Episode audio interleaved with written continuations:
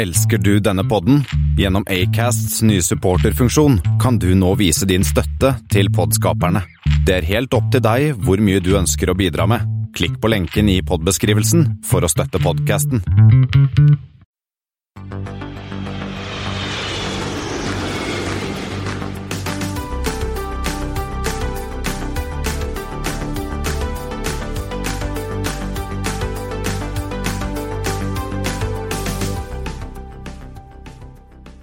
Hei og velkommen om bord på Flypoddens flight 108. Det har blitt 4. mai, og som alltid hører du meg, Christian Kamhaug, og Espen S.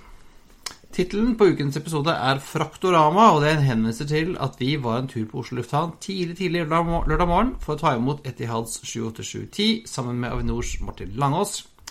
Og den kommer vi tilbake til senere i sendingen. Ellers skal vi selvfølgelig snakke om Norwegian, vi skal snakke om at det rører på seg i flybransjen, og konkurshjørnet er åpent. Velkommen om bord.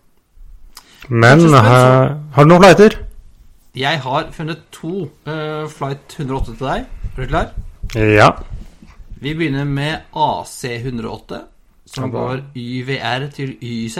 Da snakker vi Vancouver til Toronto. Ja, en går med en 7878. Uh, Og så har vi VF108, som går BGO Fro, Eh, Bergen eh, Florø. med en Dash 800.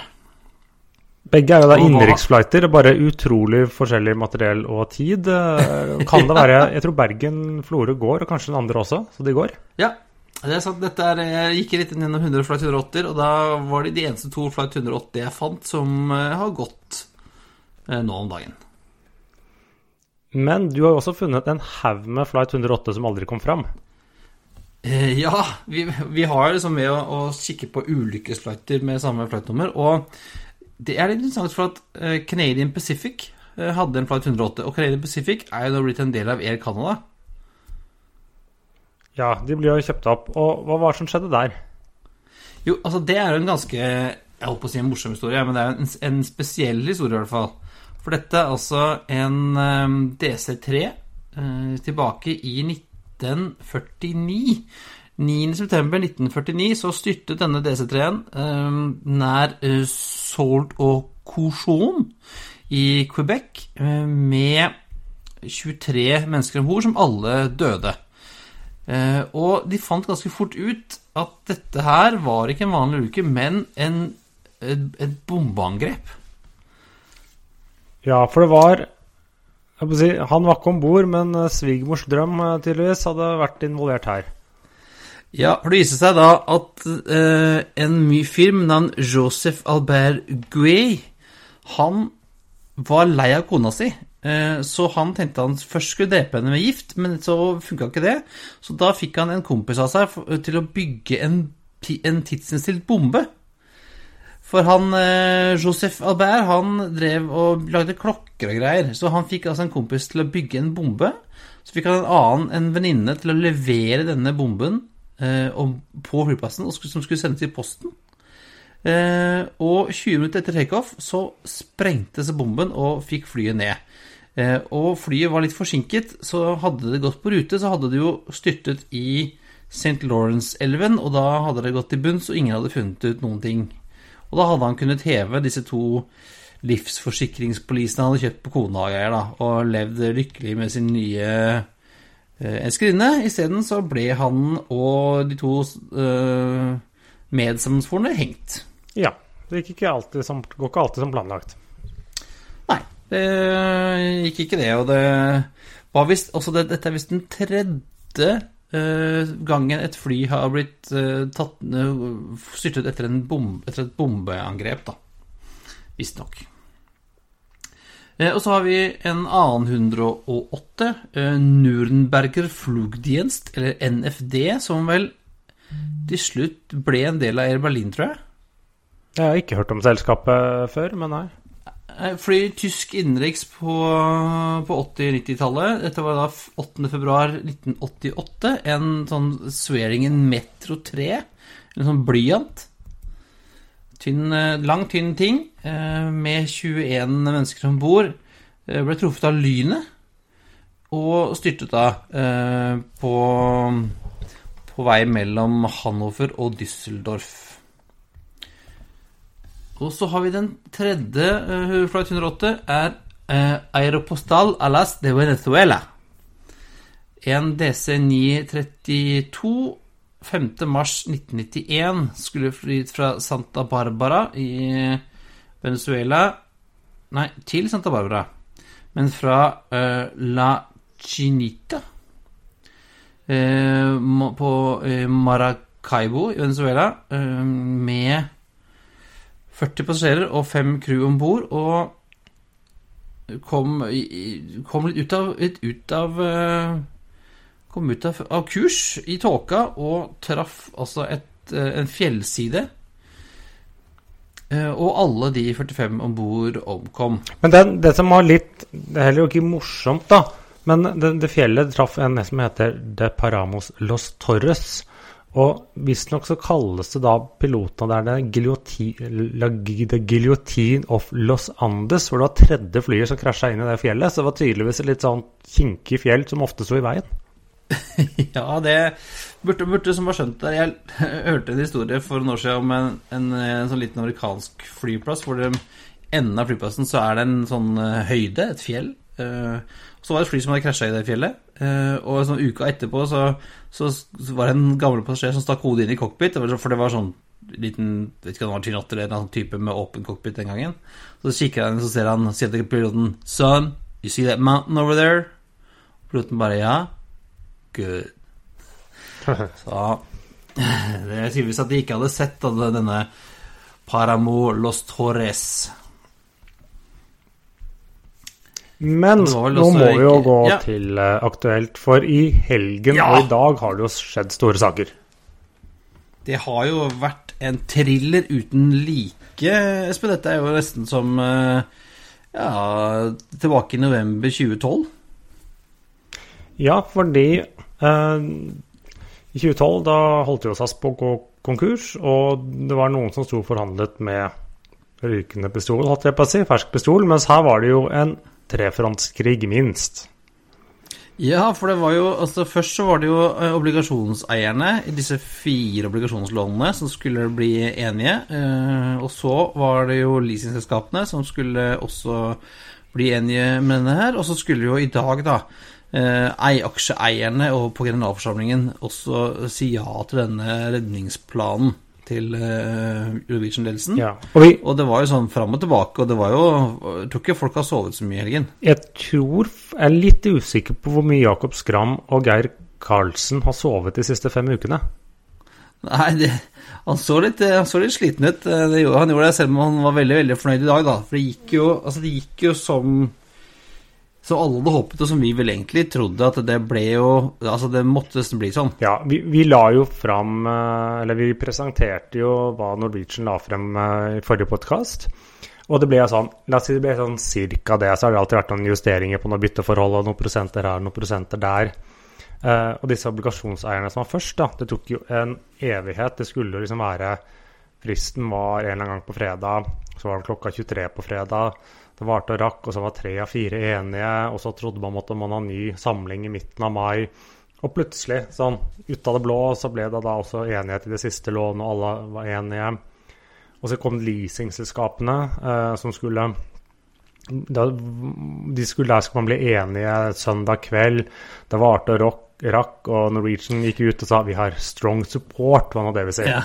Ja, og, og, det var vel der hvert fall jeg var liksom mest skeptisk til om, om, den skulle gå gjennom, fordi at her må jo livselskapene bytte gjeld uh, i uh, aksjer, og det skaper en slags presedens, da. Altså, når, når de sa ja til Norwegian, hvorfor skal de da si nei til Virgin Australia eller hvem andre ja, som det, måtte ha det problemet? Det blir jo spennende å se om dette har satt en presedens, og normalt så ville jo livselskapene bare sagt nei tatt flyene tilbake og leid de ut, men de får jo ikke leid ut, så de har ikke hatt så mye valg. Men det var jo sånn at eh, halvtime før da dagens generalforsamling skulle starte, liksom klokka den skulle starte halv ni, og litt over åtte, så kom meldingen at nå var leasingselskapene i boks. Så det var ikke mye å gå på. Var ikke forklaring der. Nei, og I tillegg så hadde det jo økt. sånn Opprinnelig planen var jo å konvertere var det 550 millioner dollar i leasinggjeld til en, eh, til kapital. Eh, men så ble det faktisk 730 milliarder, nei, million, unnskyld, millioner dollar. Eh, slik at uh, litt mer. Og så ble det jo disse fikk, Det hadde jo vært litt sånn murring og litt, uh, noen som hadde forsøkt seg med litt opprør. som jeg hadde ja, litt Blant aksjonærene, ja. ja. Men det viste seg at det var jo De aksjonærene som truet med det, det var jo de som ikke har satt på så veldig mye aksjer, tror jeg. Det var nok de som var tøffest i kjeften og flinkest til å skrive på avisens kommentatorfelt, fordi at Norwegian fikk jo dette med 95 flertall. Ja, eh, og, det, og, det, var jo altså jeg tror det hjalp Jeg tror lurer på kanskje det hjalp litt at gravforsamlingen ikke ble gjennomført fysisk, men på nett. For da var det jo enda flere av de småaksjeierne som faktisk kunne stille opp og stemme. Jeg, jeg vet ikke, men det ble i hvert fall gjennomført, så nå skal det komme en emisjon. At aksjekursen gikk opp i dag er litt merkelig når du snart kan kjøpe aksjen til ja, kanskje halvparten. Eh, akkurat det ja, Eller enda mindre. Jeg hørte en, eh, han ene mm, analytikeren i Eller han ene børskommentatoren i E24 mente at uh, aksjekursen burde være 70 øre. Ja, men nå ble det jo si, Konverteringskursen var 3,80 på gjelden, så får man vite hva emisjonskursen blir i morgen, Eh, ja, innen denne kommer ut.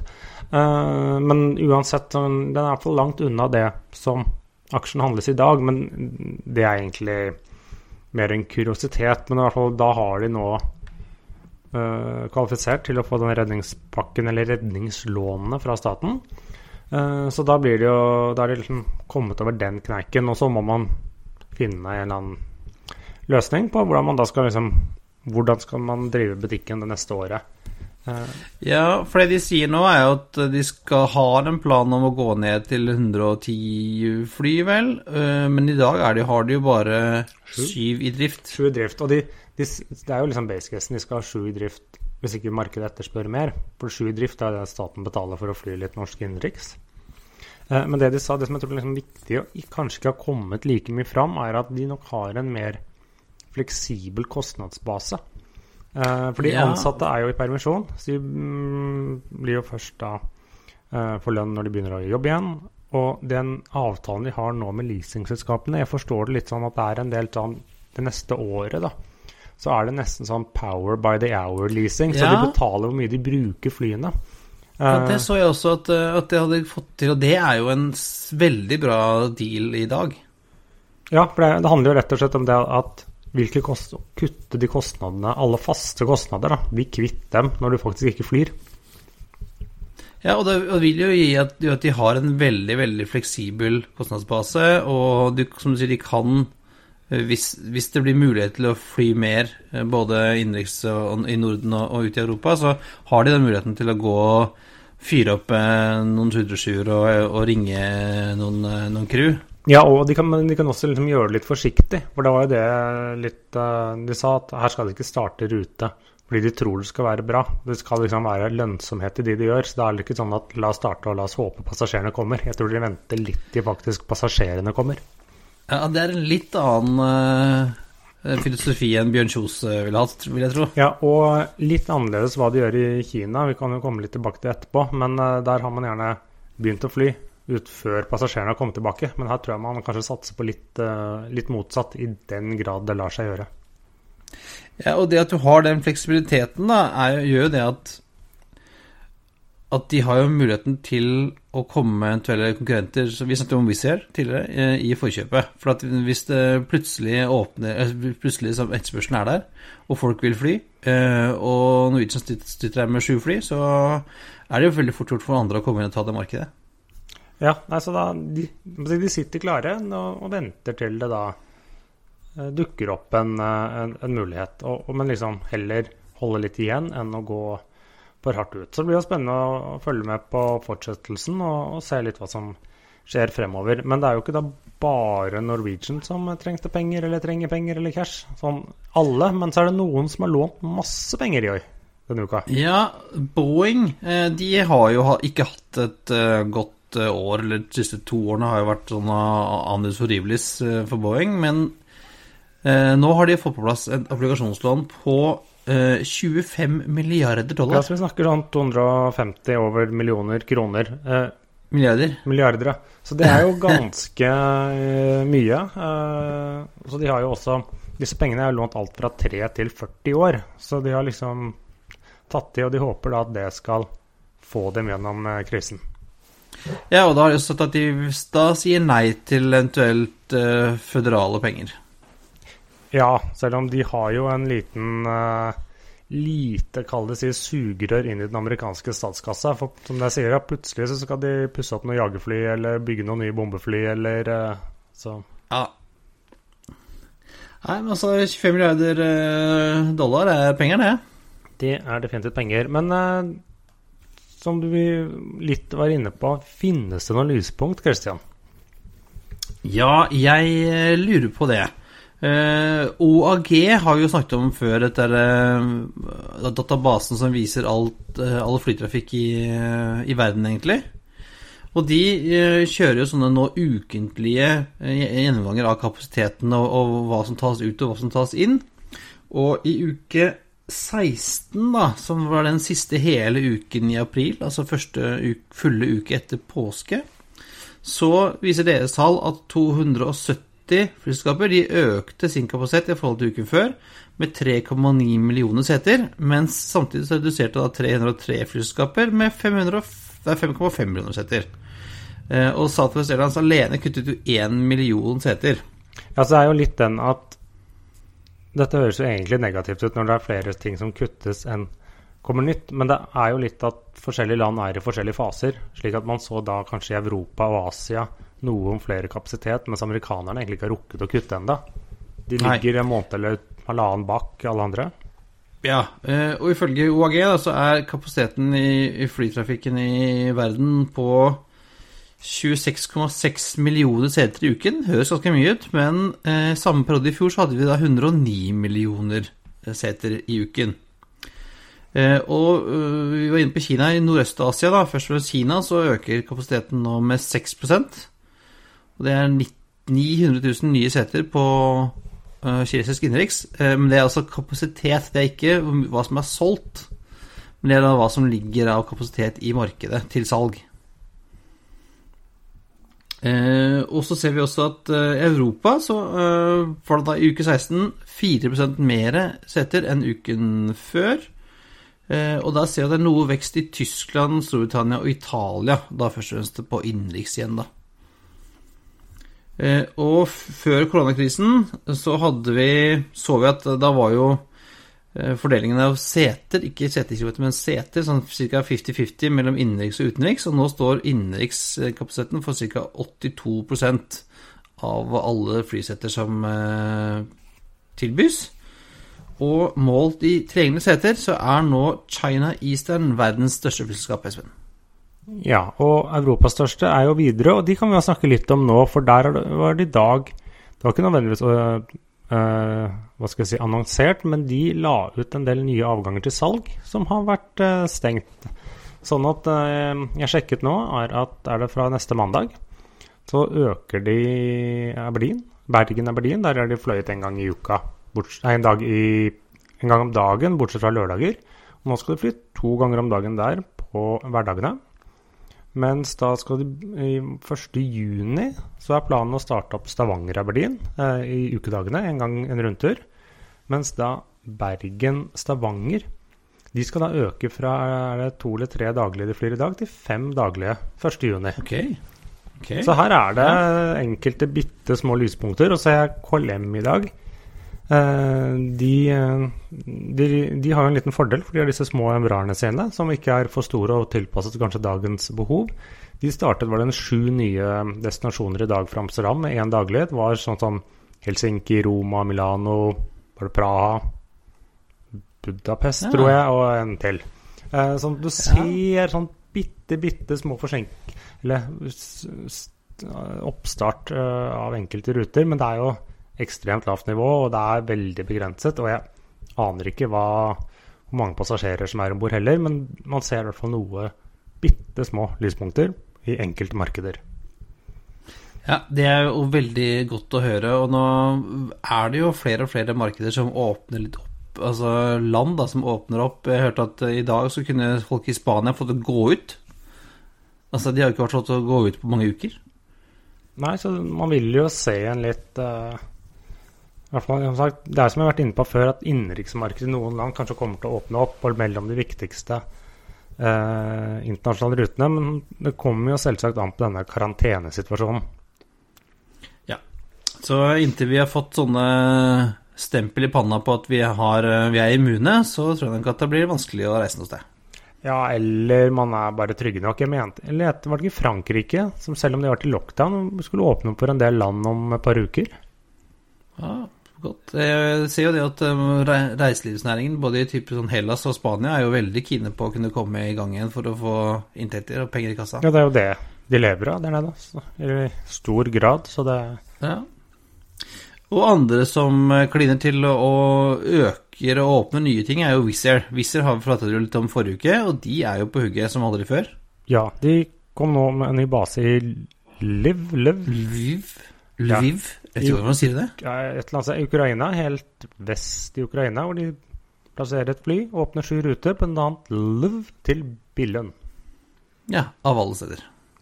Jeg vet ikke om det er noe Ja. arbeidsinnvandring eller hva nå det er. Eh, Ja. Men, og de er jo også, jeg har heller ikke lagt den ballen død. Vi eh, nevnte det tidligere, de skal jo sammen med myndighetene i Abu Dhabi eh, starte et flyselskap der.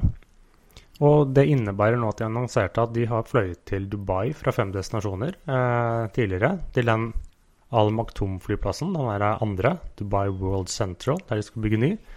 Men alle deres flighter nå flyttes eh, i løpet av høsten eller sommeren eh, til da Abu Dhabi. Blir fly bl.a. Eh, sånn mellom to og tre ganger ukentlig fra Bucarest, Budapest, Cluj, Katowice og Sofia ned dit. Ja. Ja, eh, det er jo altså det, var- den var jo det er jo så dette webinaret med, med han eh, Josef, så var, snakket jeg også om denne Abu Dhabi-basen som eh, noe som var veldig høyt på deres radar. Og så har vi jo snakket om Ja, altså, hva skal vi si, altså? South African Airways, Espen. Ja, Er det slutt? nå er er, det slutt nå? ja, nå er det slutt i en eller annen form. Jeg har jo tidligere sagt at South African Airlines, den eneste årsaken til at de fortsatt lever, eller levde, var at myndighetene gadd å holde dem i lufta. Og det har de sagt nei, nå gidder vi ikke. Så nå skal de legge ned selskapet, og så skal de starte opp et nytt. Men det er ikke noe detaljer, og politikerne, politikerne der nede krangler vel seg litt imellom òg, hva helt de skal starte opp. Men jeg tipper det blir en mindre versjon av South African Airlines. Om det skal hete South African Airlines istedenfor Airways, eller South African uten noe som helst, Air, eller det, det, Navnet vet jeg heller ikke, men er for planen å, å starte opp et uh, nytt, mindre og slankere og mer effektivt selskap. Ja, og det var vel også snakk om uh, at det skulle være et selskap som var både sta statlige og private aksjonærer i. Uh, forhåpentligvis er det ganske god avstand fra myndighetene i Sør-Afrika, sånn at de kan drive sin egen business. Ja, det er jo kanskje en nøkkel for å lykkes, og det er jo det igjen av mange ting South African Airways har slitt med, er jo at det har vært litt sånn politikerstyrt. En smule og korrupsjon og alt mulig drit. Så vi satser på at et nytt eh, Nå har vi fått et nytt Norwegian i dag, og så håper vi å få et nytt South African som virkelig kan eh, betjene det landet og gi det landet det flyskapet det fortjener.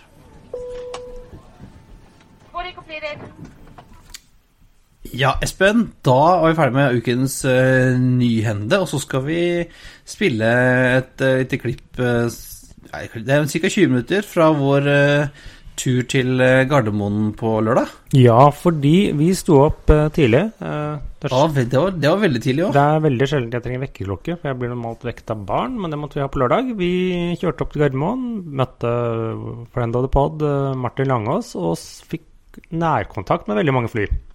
Ja, det var koselig. Vi skulle jo, grunnen til at vi dro opp det nå på, mandag, eh, på lørdag, var jo det at Etihad skulle jo komme med en eh, 787-10 eh, med frakt. Ja. Ikke en eneste passasjer i kabinen, men eh, bare eh, frakt inn og litt frakt ut. Masse mye fisk ut.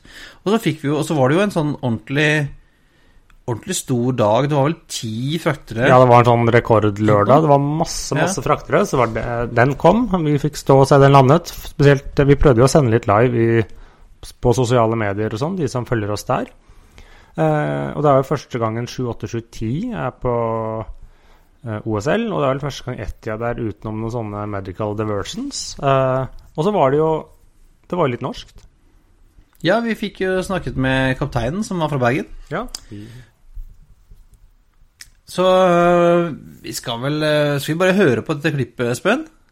Vi hører, og så er man ute på en flyplass, og der skjer det ting, og det er biler som bråker, og vi kunne vel kanskje ikke be dem være stille, så det er litt, litt bakgrunnsstøy iblant. Det er litt bakgrunnsstøy, og så er det det Når det er så mye støy, så er det vanskelig å ha rett volum eh, når man snakker i mikrofon òg.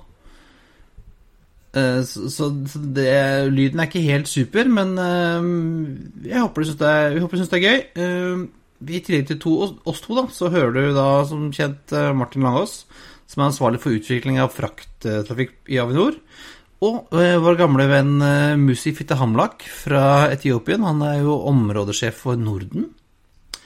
Eh, og så skulle jeg også å si eh, tusen takk til kaptein Jan Sundfør i eh, Etihad. Fordi vi fikk lov til å ta en kikk inni eh, 787-10-en som han fløy inn til Oslo. Vi sto der og prata litt, og så sier han eh, Ja, jeg skal ikke være med og se, se på den, da. Vi blir sa jo ja. sier jo ikke nei til å gå inn og kikke på en eh, flymaskin, og den eh, Der satt jo eh, et, et returcrew, da, ellers så var det jo ikke noen andre om bord der. Så stor takk til eh, Martin og Avinor som inviterte oss på en veldig interessant lørdag morgen. Da kjører vi Fraktorama, Espen.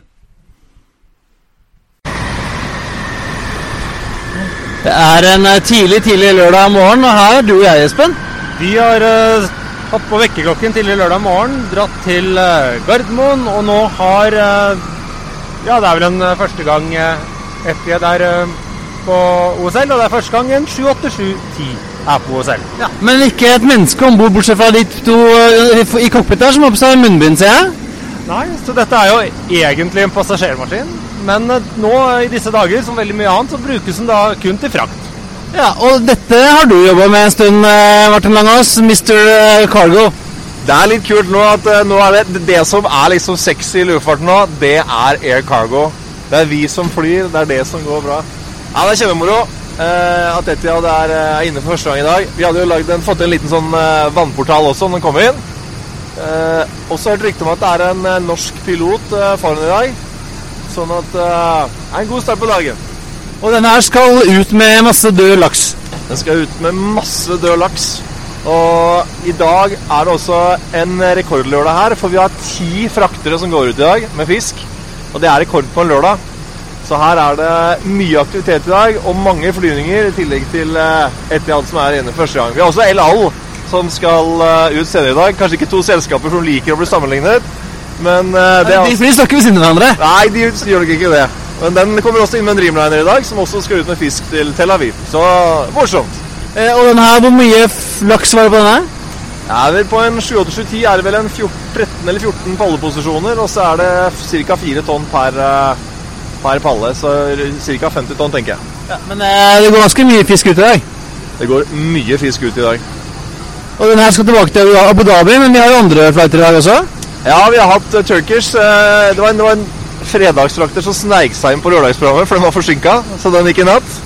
Så har vi Etiopien, som nettopp landet her, som står til høyre for oss med en 777-200. Den skal til Incheon, Sør-Korea, nå om en halvannen time. Så har vi Etiad, som eh, står her nå. Og så har vi en C-17 fra eh, United Arab Emirates Air Force, som skal med noe eh, nødhjelpsutstyr for FNs matvareprogram. Og så kommer det altså sju frakter inn på rekke og rad utover dagen etter dette. Så skal vi til Asia mesteparten, eller? Ja, alt skal til Asia, foruten Qatar, som har en avgang til New York med fisk. Nå holder du på å laste ut, eh, Espen, for vi trodde at den kom tom, vi. Ja, de har i hvert fall, Vi vet jo ikke hva som er i konteinerne, men nå skal de i hvert fall laste ut. Ja. Laste ut nå. Nå står det et par konteinere her med Hvor mange står det? Mange fant vi ut? Jeg tipper det står eh, 14 paller med fisk her som skal om bord. Ja, Og den skal til Abu Dhabi. Nei. Skal først til Abu Dhabi, men der skal de ikke være så lenge. Det er nok mesteparten. Der skal videre til eh, Sør-Korea. Men Martin, eh, nå har du jobba 24-7 med å få mer fraktkapasitet inn her. For problemet har jo vært for norsk fiskeindustri at vi har ikke hatt noen eh, passasjerfly ut. Ja, det er riktig. Eh, Vi har jo midlertidig, eller noen av kundene våre har jo midlertidig valgt oss å ikke fly pga. krisen. Eh, Men fraktflyene går jo. Men så er det jo sånn at mesteparten av fisken går jo ikke fra Norge med fly. Det går jo fra Heathrow, fra Helsinki, fra Amsterdam, andre lufthavner. Og eh, det påvirkes jo veldig stor grad av at KLM og British Airways har lagt ned passasjerflygningene sine. Så etterspørselen etter fraktkapasitet er veldig stor. Og det gjør at den fisken som tidligere da gikk fra andre lufthavner utenfor Norge, nå går heller herfra. Så det vi merker, er jo en kjempestor pågang. Nå tror jeg ikke det at frakttallene totalt sett kommer til å øke så veldig mye, men frakteroperasjonene og fisk som går med frakt, altså fraktere, har økt veldig. Og Det tror jeg kommer til å fortsette i lang tid fremover. Ja, tidligere når vi snakket med deg, så snakket vi om at eh, fraktratene hadde gått kjempeopp, og det var litt sånn usikkert om norsk eh, sjømatindustri hadde råd til den type eh, rater. Da. Men nå er ratene litt ned, og det kommer jo nå altså Denne kjøret her går jo bare med fisk. Ja, ratene har eh, gått en del ned, og det er jo veldig bra for norsk sjømatindustri. For at de ratene som var når vi snakket sist, de, de var vel egentlig på grensen til å kunne knekke hele eksporten. Så nå har det lagt seg på et, et nivå som ja, det kommer litt an på destinasjon, men som er mye mer fornuftig. Og det er jo fordi at industrien i Asia har plukket seg opp litt. Industrien i Europa har gått ned. Samtidig er det veldig mye transport av smittevernutstyr fra Asia til Europa, så det er mye returkapasitet. Så ratene har kommet ned på et mer fornuftig nivå. Men at vi skal tilbake til det ratebildet som, eh, som, vi så bare for et halvt år siden, som jeg trodde for kort tid siden at vi ville se eh, ganske snart, det tror jeg ikke noe særlig. Jeg tror det ratebildet vi ser nå, som gjør at eh, det blir lønnsomt for et av de andre selskaper å fly passasjerfly som frakter det, tror jeg kommer til å vare en stund til. Og det er jo bra for oss, for da får vi kapasitet. men tenker du også på, på lang sikt at noen av de nye karrierene sånn som Etihad og El Al, som er her i dag første gangen, at de kanskje kommer tilbake igjen når verden er normal? Ja, altså vi, vi, håper jo det. Det er jo utrolig lange prosesser å, å, å jobbe med innsalg til flyselskapene. Altså, klart at Krisen har hjulpet oss veldig godt her med å få, uh, få Etiad inn. Men uh, i en normalsituasjon så vil det ikke være lønnsomt for Etiad å fly en, uh, en passasjerflymaskin som, uh, som, frakter. Og ei heller for El som kommer senere i dag. sånn at vi er vel ganske udruelige i forhold til at denne kapasiteten beholder vi så lenge ratenivået er på det det er i dag. Og Etiad har jo fordelen at de har fraktere, så vi kan kanskje få dem litt eh, sugne på dette markedet og, og sørge for at når, eh, når, ting på en måte faller litt mer til normalen, at de da velger å sette inn en fraktmaskin her som har lavere kostnader og kan tåle en lavere rate på fisk. Eh, kan du si noe om hvordan er det man jobber i disse dager med å faktisk få denne kapasiteten? For tidligere, så vi som kjenner deg, vet at du har jo reist rundt og møtt dem, og nå sitter du jo på hjemmekontoret ditt. Ja, det er jo fordelen av å ha reist mye og vært mye rundt, fordi at da har man et nettverk. Og eh, vi har jo en veldig høy standing internasjonalt på frakt, og det gjør jo at eh, nå kommer jo de og ønsker å ha kontakt med oss. Altså det er som følge av at de kjenner oss og vet hva vi står for og hva vi kan eh, tilby dem. Så det er jo egentlig fint å bare sitte hjemme nå og kunne ta imot telefoner og få gode nyheter om at det er selskaper som vil starte opp. Altså Nå får du rett og slett si, avkastning på det du har brukt i reisebudsjett de siste fem årene?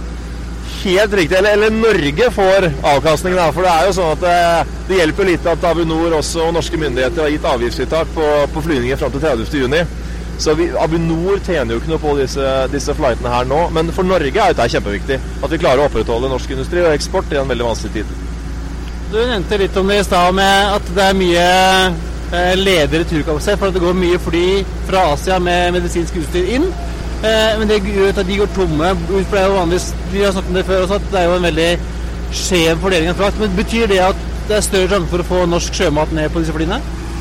Eh, ja, delvis. Eh, men utfordringen igjen er jo det at det meste av belly-kapasiteten står på bakken. Så det er liksom veldig press på frakterne. Og den, den fraktkapasiteten som, som fraktflyene representerer, er ikke nok til å dekke etterspørselen. Sånn at uh, Jeg tror dette her kommer til å vare en stund. Ja, Espen, det er jo gøy å se at noe beveger seg. For det var jo ganske trist å kjøre gjennom Gardermoen dag morges og ikke se noe bevegelse. Nei, det er jo eh, Det står jo fly på alle gater, men mesteparten flesteparten av dem er jo uh, plombert og står der med trekk over motorer og teipa igjen forskjellige luker. Ja, det er, jo, det er jo trist. Det er ikke sånn vi skal ha en flyplass. Flyplass skal jo yre av liv. Ja, det skal Selv på en lørdag morgen så burde det jo, bør det være noe trafikk. Fordeler var at du fikk jo parkeringsplass på P1 én en gang, da. Ja, noen fordeler er det. Ja, eh, og her lastes det i full, eh, full, fart. Det går ting ut, og så skal ting inn igjen. Eh, og det er ganske mange frakter i dag. Eh, Martin sa ti stykker. Ja, det er visstnok en rekord for lørdag, i hvert fall. Og ut med fisk alle sammen. Og det er jo en del first. Dette er, sagt, dette er første 7-8-7-10 som noen gang kommer til OSL. Det er første gang Etiet kommer, så vidt jeg vet. Um, El Al har muligens vært her før, men de har i hvert fall ikke vært der med en 787 som kommer senere i dag. Etiopien kom med en 350 passasjermaskin etterpå. Ja, Og så hadde de jo en eh, 777-200 frakter her borte. Ja, den står rett bak oss. Den har vel vært her før, men eh, i hvert fall nå er den i gang. Men eh, nå skulle du fly var det to ganger i uka? Det var slik vi forstod det. Ja. Og så er det jo et par jumboer innom i dag, og så er det denne C-17 fra, fra Emiratene som jeg tror skal til Jemen med noe nødhjelp. Ja, den står også. Den står faktisk da Normalt så står de bort på militært område, men nå står det da en militær frakter eh, på en vanlig cargo-rampen her på OSL. Ja, på militært så står det jo vel uh, Dreamliner? Ja, ja, det er sant. Ja, det er, det er en, en, veldig rar eh, tid, men det er godt å se at eh, SAS Grand Handling er full fart med å tømme kjerra og har ting å gjøre. Det er bra. Vi kommer plutselig tilbake. Fikk vi en liten eh, guided tour av uh, kabinen nå på den Etiaden? Ja, kjempegøy. det. Norsk kaptein, og han syntes det var stas å møte nordmenn, tror jeg. ja, vi fikk et norsk, da. ja, ja.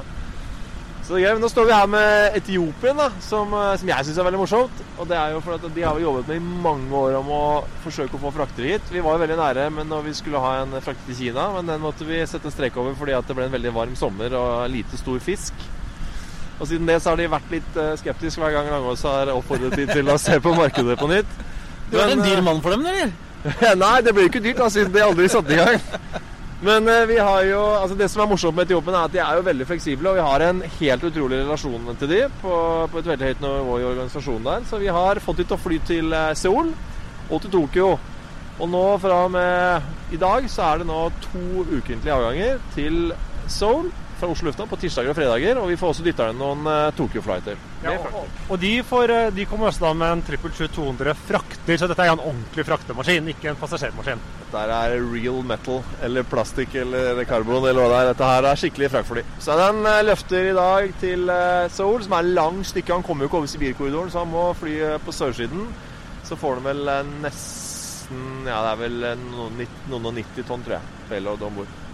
Og så skulle de tilbake på passasjerer òg? Ja, jeg tror faktisk når vi står her nå, så er det like før han eh, skal lande. Det kommer en 350 inn nå fra Stockholm. Det er også andre flyvningen eh, som kommer inn nå etter at de har starta opp den eh, trekantruten.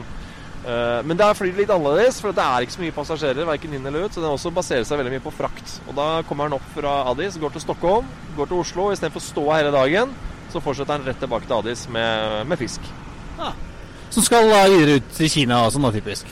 Ja, hele nettverket til, eh, til Etiopien. Da. Så nå har vi altså ruteflyvninger til eh, fra Oslo til eh, Addis og Doha. Doha fire ganger i uka til Doha, og så er det to ganger i uka til Addis. Og av Amsterdam?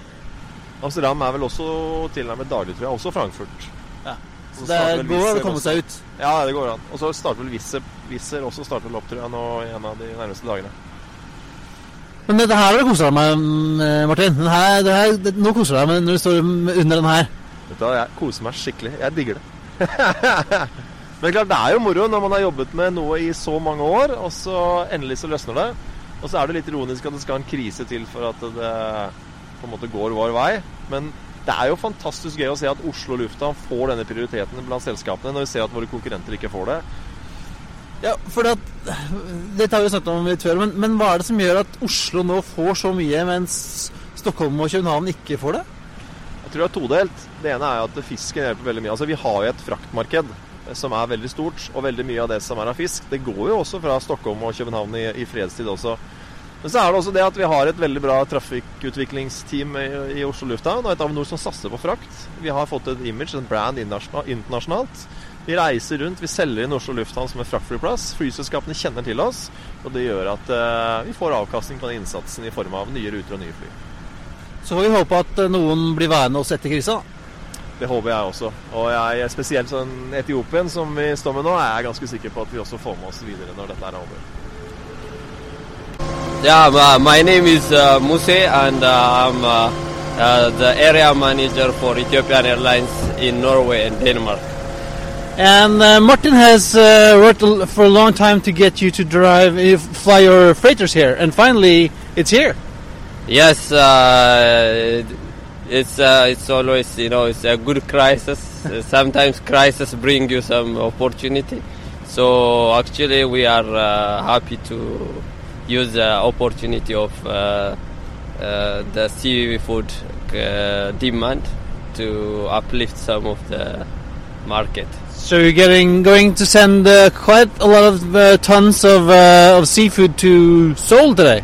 Yes, yes. Uh, we have uh, actually we had uh, some flights before, and now this is our third flight, and our passenger aircraft is also will be landing any after few minutes to uplift the seafood again, and next week we will have more flights coming.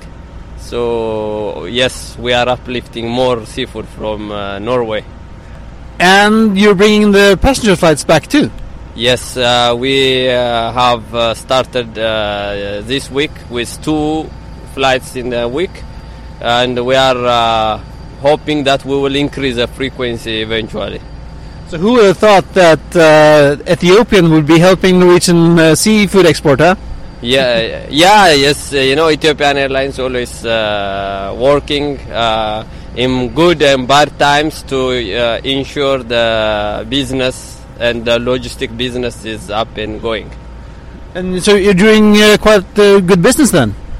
Yes, we are uh, doing good. You know, it's always Ethiopian Airlines is good in uh, adaptability. You know, uh, we have a good agility, and uh, we are uh, hopefully we want to uh, remain in the seafood after the crisis as well. And the A350 that's coming in today and is going to Tokyo is is a passenger plane. So there's but there, you don't have any cargo in the passenger cabin, do you? Uh, we have few passengers, and uh, it's uh, the flight is going to Addis to connect uh, to. We are we, we have uh, some loads to Far East and Middle East. So we, the flight will connect other uh, network in Addis Ababa. So in Addis Ababa, we are trying to maintain a sufficient number of uh, frequencies to keep the hub and spoke uh, cargo solution. Thank you very much, and thank you for uh, your help in this crisis. Yeah, thank you uh, for uh, having me with uh, with you for this uh, interview. Thank you. Ok, Espen, da står vi inne i Aldri vært inne i en uh, 777-frakter før, har du? Nei, jeg kjører lite cargo class, eh, som eh, vi er inne i nå. Så eh, veldig god benplass, da. Ja, det er litt dårlig, eh, dårlig med utsikt, er det jo. Ja, lite vinduer. Vindusplass eh, ikke eksisterende. Og eh, alt er life-flat hvis du klarer å ligge på disse duppedittene på gulvet. Men der, er, eh, her er det plass til mye fisk. Ja, eh, vi, Kapteinen kom inn og kikka på oss i stad. Lurer på hva vi holdt på med. Ja, vi er på tur, vi. Vi er på tur, vi. Eh, og Hyggelig at vi har et så godt samarbeid med Avinor. da. Det er Og, sånn at vi kan få komme hit på lørdag morgen og leke litt. Det er utrolig gøy. Eh, Hvordan skal vi ellers komme inn, inn i en frakter for oss som ikke flyr dem? Nei. Jeg var inne, innom en sånn uh, Sunter hadde jo en jumbofrakter en periode. Så skulle vi gå Og da fikk jeg til å være med, inn i den, den faktisk her. vi fløy de en hel, i hele tatt en gang? Nei. Nei, det var vist fra. Ok, Martin. Eh, er jo gøy å være inni, men det er jo litt trist at den er tom, da. Men det er så fint med henne selv, vet du. Det er alltid fullt når det går herfra. Så, Ja. eh, ja, men Det er jo fascinerende å se en, altså, en, en flykropp. Altså, det er jo samme flykroppen som er på en, eh, en 777-passasjermaskin. eh, passasjermaskin. Og man får jo mye mer inntrykk av størrelsen når man er inne i en frakter, hvor man bruker mye mer på en måte av, av eh, det tilgjengelige volumet i, i flymaskinen. Og det er jo det er betydelig kapasitet her. Ja, for den her, er det jo sånne, sånne beltloader-opplegg. Sånn at her kan du fylle hele kjerra oppe, men den er vel også frakt nede? Helt riktig. Jeg husker ikke. Det er vel om det er vel noen og 30 palleposisjoner her. Men det som er litt spesielt med fisken, er at den er, eh, den er veldig tung. Sånn at når denne flymaskinen her er full, så vil den ikke altså være full i forhold til volumet her. Den vil jo være full i forhold til vekt. Så med fisken så vil det fortsatt være mye plass om bord i forhold til ja, luft, luft rundt ballene. I motsetning til den her eh, AN225-en vi så som var full av eh, medical supplies. Den som var støffa i Warszawa ja. det. Ja. Det tok ni timer å tømme den, skjønte jeg. Ja, det hadde vært noe. Nei, altså Vi har veldig rask turnaround på, på frakteren her, og det er fordi at det er single commodity. Alle, eskene, alle boksene ser likedan ut. Det er på, på flak som veier fire tonn, sånn at de fleste flyene her er ikke inne mellom halvannen time, kanskje. Så og nå skal den her videre til uh, Incheon. Vi skal videre til Incheon, en lang tur til Incheon. Så det er fantastisk bra. Det er vel egentlig tredje Ja, det er tre flyvninger i dag til Incheon. Det er jo Korean Air, og så er det Etiopien, og så er det Etiad som flyr også til Incheon, da bare med stopp i Abu Dhabi. Martin Langås, Avinor, eh, friend of the pod. Eh, frekvent gjest hos oss. Takk for en fantastisk morgen. Tusen takk eh, for at jeg fikk være med, og tusen takk for at dere kom på besøk igjen. Dere er jo alltid velkommen hit. Og det var jo gøy å kunne se både den ene og den andre frakteren. Og en eh, jumbo fikk vi på slutten, og 350 til eh, Etiopien. Ja, og så er det jo litt morsomt, og, eller ikke morsomt, det er litt spesielt å være på en flyplass hvor egentlig alt står stille, bortsett fra frakten. Ja, for dette er jo din baby. Dette er min baby. Og det er jo nå frakt er sexy. Så look who's laughing now. Men eh, det var jo litt trist å kjøre forbi terminalen når det sto bare rad på rad på rad med sluttrasjuer parkert og teipa igjen. Ja, det er litt eh, trist å le av det, for det er jo egentlig ikke noe morsomt. Det er jo forferdelig trist det som skjer med eh, luftfartsbransjen og alle dette berører. Sånn at uh, selv om det er gledelig å se at fraktdelen går bra, så er det jo veldig trist å egentlig stå midt oppi dette her. Det er jo gøy at vi får inn flere ruter, men det er på bekostning av at hele bransjen er i ferd med å kollapse. og det, det er veldig veldig trist for en som har vært engasjert i luftfart i mange mange år. Og det syns sikkert dere også. Ja, det er, det er triste greier, men vi, vi, vi får jo sånn litt, sånn, litt små gleder. da, At vi ser at det, det, er ikke, det, er ikke, helt stopp. Noe flyr. Og det, kommer noe penger inn i kassa. Ja, og så er det jo sånn at uh, igjen, vi er jo en, en uh, vi er jo et Europa hvor alle flyplasser er lokket ned. og vi er jo den flyplassen som kanskje har en av de fleste bevegelsene, og faktisk en del trafikk, nettopp pga. frakten og det innenriksnettet vi har her. Sånn at eh, selv om eh, det er veldig mørkt for tiden, så skal vi også ta med oss at eh, det er minst mørkt her. Og det, og det er godt. Espen, hva, hva, sier du om dagen? Det var jo glimrende. Starte lørdagen med å se på fly, ta på fly. Så nå er vi klar. Ok, igjen, Martin. Tusen, tusen takk. Tusen, tusen takk. Ja, var ikke det gøy? Det var uh, veldig gøy, og det var et par sånn, litt sånne first også for Flypodden. Det er ikke deler av studio. Vi satt jo, sto jo inni en trippel uh, sju frakter og intervjuet. Ja, ja det, var, det var gøy. Uh, og vi fikk klappa på noen, noen, flymaskiner, og fikk jo kjørt også forbi rad på rad med både SAS og Norwegian-maskiner som står i opplag. Det var ikke fullt så gøy. Nei, det var ikke så gøy. Men øh, det, det, som, det, som, er fint, da, øh, eller som, som, jeg kanskje ikke tenker at mange ikke tenker på, er jo hvor viktig flyfrakt er for norsk eksportindustri. Ja, for den um, si, Olje er én ting, det tøffer av gårde med båt, men veldig mye av produktene i Norge er litt sånn tidskritisk, spesielt da fisken vår. Så den, hvis den skal lenger enn til Europa, så må den fly. Ja, og det har jo vært en utfordring da med flyfrakt fordi at når det ikke går noen passasjerfly, og flesteparten av flyfrakten går jo i belly. Altså det er jo under der vi sitter når vi sitter og flyr til London, så er det jo masse frakt. Og når alle de passasjerflyene er borte, så er det jo en, en utfordring da, med å få nok kapasitet til å fly norsk fisk av gårde.